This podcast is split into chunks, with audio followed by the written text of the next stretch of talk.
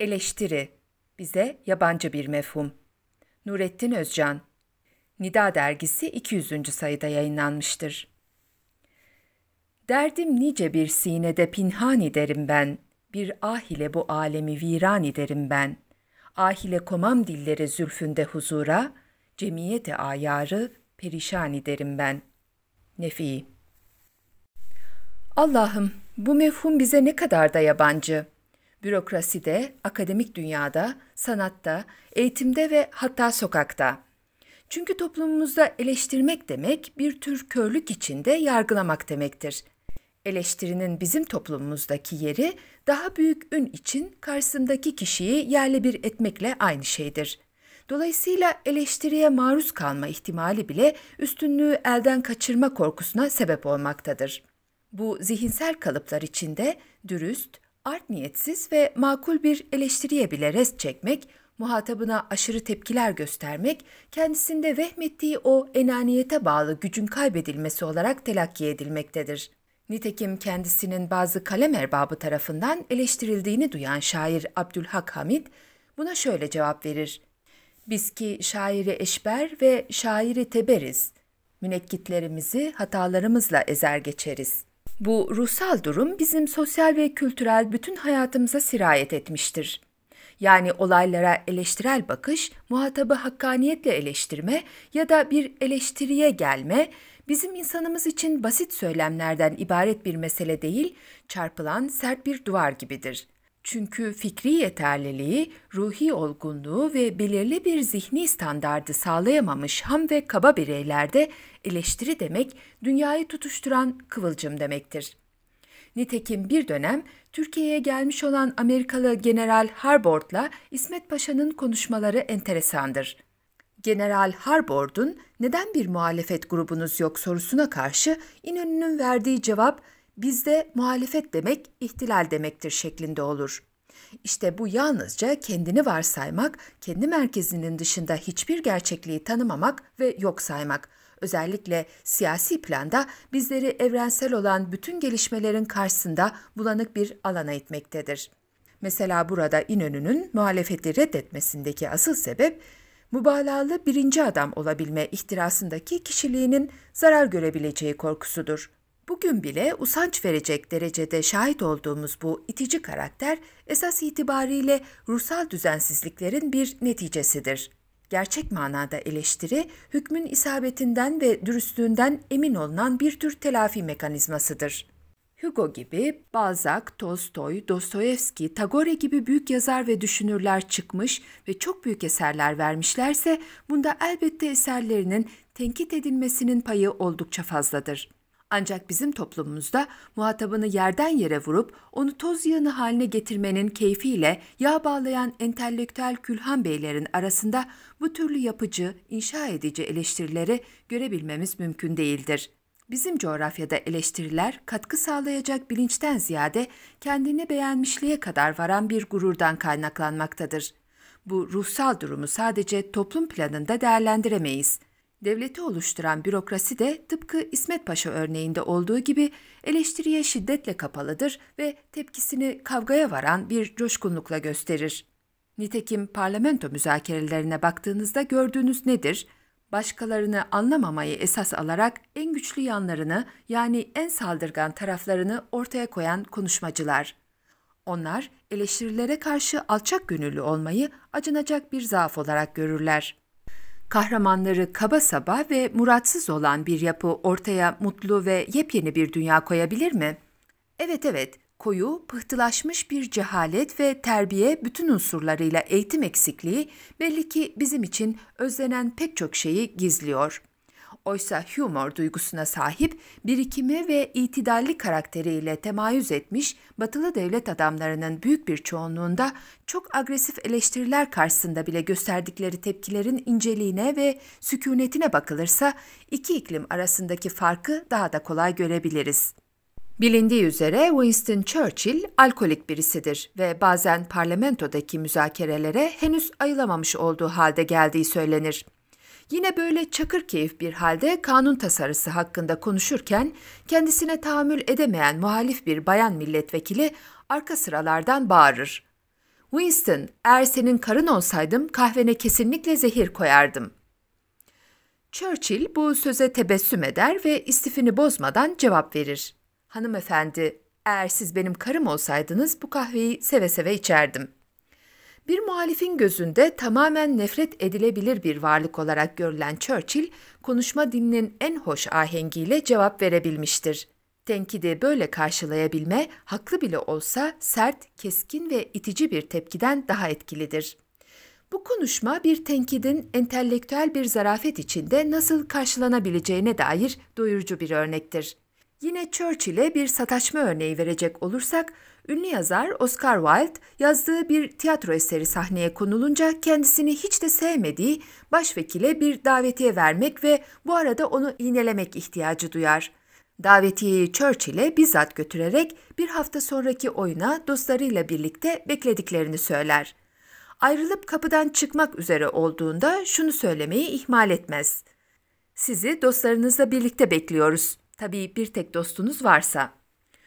Churchill buna aynı tebessüm ve sükunetle cevap verir. Üstad, oyununuza elbette geleceğim. Tabii bir haftanın sonunda oyununuza seyirci bulabilirseniz. Evet, sonuçlar çoğu zaman insanın hadiseler karşısında alacağı tavra bağlıdır. Tahammül sahibi olmak ve bu yeteneği kazanabilmek her şeyi gerçek nispetlerle gösterebilecek tam bir derinlik bulmamızı sağlayacaktır. Orta Doğu kültüründe bunu görebilmek oldukça zordur.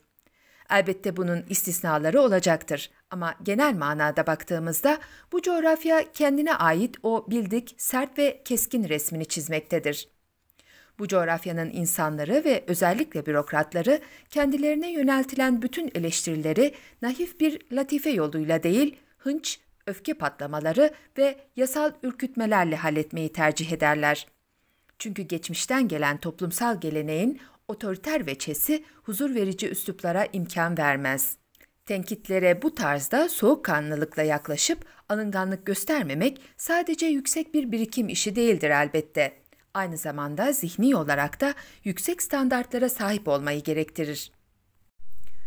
Ancak burada bir noktayı da göz ardı etmememiz gerekmektedir. Burada yapılan tenkidin de nasıl bir üslup ve nasıl bir tonla yapıldığı konusu fevkalade önemlidir. Zira genellikle her türlü aşağılamayı kazanç haline getirmek isteyen ve meselelere öfkeyle tutunmak isteyen benlikleri görmekteyiz. Bunların hedefi muhtemel karşıtlıkları bertaraf etmek değildir. Hayatın ve meselelerin karşısında gerçek tavırlar takınmak da değildir.'' Bazen bu tavırların neticesi çok ağır da olsa anlamakta güçlük çekeriz. Vaktiyle Mısır'da yaşanan ve uzun yıllar Mısır ile aramızın açılmasını, siyaseten çok soğuk ve mesafeli yıllar geçirmemizi sağlayan dar kafalılığın, kibirli tavırların ve sonucu doğru hesaplanmamış sert eleştiri şekillerinin yol açtığı neticeler eminim konunun çok canlı örneğini teşkil ederler. 1932 senesinde Cumhuriyet'in 9. yıl dönümü vesilesiyle Ankara Palas'ta düzenlenen resepsiyona Mısır Büyükelçisi Abdülmelik Hamza üniformaları ve başında da fesiyle katılır. Atatürk, şapka inkılabını yeni tamamlamış olup, inkılabın gerçekleştirilmesi sırasında yaşanan kanlı olaylarında etkisindedir. Mısır Büyükelçisi bunları hesaba katmadan Cumhuriyet resepsiyonuna icabet eder. Anlaşılan Büyükelçi, Atıf Hoca'nın ve Hint Hilafet Komitesi temsilcisi olan Mustafa Sayır'ın başına gelenleri bilmemektedir. Atatürk Büyükelçiye yönelerek hafif bir ses tonuyla fesini çıkarmasını söyler. Tabii o sırada garson elinde tepsiyle fesin tepsiye konulmasını beklemektedir. Büyükelçi ani bir refleksle fesi tepsinin üzerine bırakır ve kendine gelince hızla salonu terk eder. Ortalık buz kesilir ama olan olmuştur bir kere. Bazı tarihçiler bu olayı anlatırken Fes yüzünden neredeyse savaş çıkacaktı ifadesini kullanırlar. Evening Standard gazetesi olayı Atatürk Büyükelçinin başında Fes'i görünce kırmızı görmüş boğa gibi hiddetlenir şeklinde haber yapar. İngiltere Büyükelçisi de diğer diplomatlar gibi kor diplomasinin gözünün önünde cereyan eden bu olayı ülkesine rapor eder. Olay Türk basınında yer almaz. Meraklılar 30 Ekim ve sonrasındaki tarihlerin gazetelerini tarayabilirler. Olay İngiltere basını vasıtasıyla dünyaya ve Mısır'a duyurulur. Mısır muhalif basını da sert tepki gösterir ve diplomatik ilişkilerin derhal kesilmesini talep eder. Dışişleri Bakanı Doktor Tevfik Rüştü Aras, işin içinden çıkmak için Kahire'de akla karayı seçer. İleride benzer olayların tekrarlanmayacağını taahhüt ederse de muvaffak olamaz. Neticede İngiliz Yüksek Komiserinin devreye girmesiyle Mısır yetkilileri ikna edilir. İngilizler açısından maksat hasıl olmuştur, hedefler tutturulmuştur. Olayın kamuoyu boyutu fazla büyütülmez ve İngilizlerin istedikleri seviyede tutulur. İki ülke arasındaki yakınlaşma frenlenmiştir. Bu ani olay iki ülke arasındaki gerginliği tırmandırmak için Hızır gibi imdada yetişmiştir. Tabii o tarihlerde Sudan'ı da içine alan Mısır ile herhangi bir ticaret anlaşmamız bulunmamasına rağmen %5 seviyesindeki dış ticaret hacmimiz bu olayı takip eden iki senede dibe vurur. Peki Atatürk neden böyle davrandı? Oysa Mısır, Türkiye'ye Kurtuluş Savaşı'nda yardım eden ülkelerdendi. Mısır Hilali Ahmeri, İngiliz idaresi altında olmakla birlikte tıpkı Hint Müslümanları gibi özellikle savaştan şehit düşen askerlerimizin geride kalmış yetimlerine Darül Eytam'a nakdi yardımlarda bulunmuştu. Bunların hiçbirisi Atatürk nezdinde Mısır'a dost ülke konumu kazandırmamıştı. Atatürk hayattayken yaptığı devrim kanunlarına zarar gelir endişesiyle Mısır'a daima mesafeli davranmış ve hayattayken herhangi bir ticaret anlaşmasının yapılmasına dahi izin vermemişti. O günlerde Mısır ile ticari ilişkilerimiz 6 aylık zaman dilimlerini kapsayan geçici ticaret anlaşmalarıyla sürdürülmüştür. Burada salonda Mısır Büyükelçisi'ne yapılan küçük düşürücü hareket bir an için su götürmez bir üstünlük gibi gözükse de kıyafete getirilen sert eleştirel hareketin ağırlığı telafi edilmez sonuçları hazırlamıştır. Bu gibi durumlarda sonuçsuz kalacak üstünlükler ne yazık ki hayatımızın tarihi fonu üzerinde bize hiçbir üstünlük kazandırmamaktadır küçük sayılacak sebeplerin yol açtığı ve azarlamaya kaçan eleştirilerden bir başkası sanki bir kader gibi yine Mısır'da yaşanır. Mısır diplomasisinde hakikaten büyük bir hayal kırıklığı yaşatan bu olay çok uzun yıllar iki ülkenin arasını açacaktır. Mısır'da 1952'de Hür Subaylar Hareketi başlar. Göstermelik bir general olan Necip'in etrafında toplanan ihtilalciler, ihtilalin beyni olan Albay Cemal Abdülnasır liderliğinde kansız bir ihtilal yaparlar. Ülkede hakimiyeti sağlayan genç subaylar bu heyecan içinde Türkiye'nin Mısır Büyükelçisi Fuat Tugay'ı ziyarete giderler ve Türkiye'deki reformları, yenileşme hareketlerini örnek aldıklarını söylerler. Güzel temenniler beklemektedirler fakat Fuat Tugay tarafından hiç beklemedikleri şekilde çok ağır tenkitlere maruz kalırlar. Ne katillikleri ne de zorbalıkları kalır.'' İki ülke arasındaki bütün muhabbeti bir anda silip süpüren bu eleştiri bombardımanıyla ortalık bir anda buz keser. Bütün ihtilal komitesi ortalığı cehenneme çeviren bu ağır eleştiriler karşısında derin bir hayal kırıklığı yaşarlar. Bu olanlar yetmiyormuş gibi kısa bir süre sonra bir kokteylde kendisiyle tokalaşmak için elini uzatan Cemal Abdülnasır'a Fuat Tugay elini uzatmaz ve gayet sert bir eda ile hiçbir siyasi nezaket üslubuna uymayan çok aşırı bir tenkit diliyle ben darbe yapanlarla değil beyefendilerle tokalaşırım diyerek arkasını dönünce ertesi gün ülkeden sınır dışı edilir ve iki ülkenin kolay kolay düzeltilemeyecek gerginliği başlar. Merhum Süleyman Demirel'in bir sözü vardır. Siyasetçi rodeo yapan bir kovboya benzer.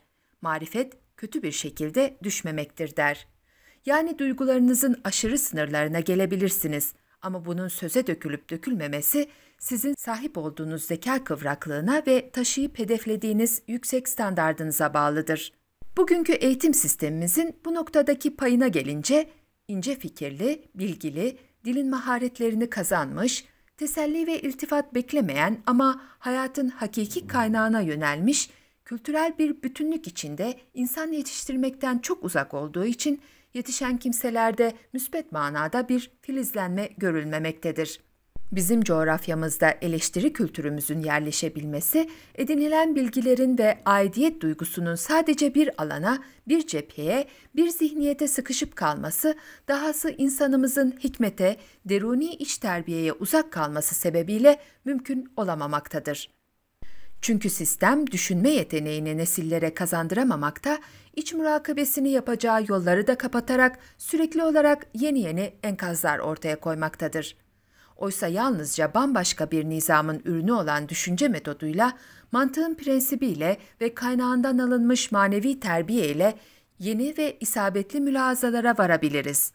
İlkokuldan üniversiteye kadar bütün eğitim sistemimizin topluma ne yazık ki aklın gücünü ve inancın ışığını kazandırmak gibi bir armağanı olmamıştır. Böyle bir amacı da zaten yoktur. Kısaca hikayemiz maalesef böyledir ve bizler bu kafa ve gönül kalıpları taşındığı sürece hem eleştiren hem de eleştirilen taraflar olarak şiddetli, cüretli ve yıkıcı mukayeseler yapmaya devam edeceğiz. Kişi önce şahsiyet, sonra bilgi, en sonunda da derin bir iç terbiye ve murakabe ile yenilenip her gün kendisini tazelemedikçe eleştirildiği zaman kırılgan, eleştirdiği zaman da mutlak yargıçlar gibi davranacaktır.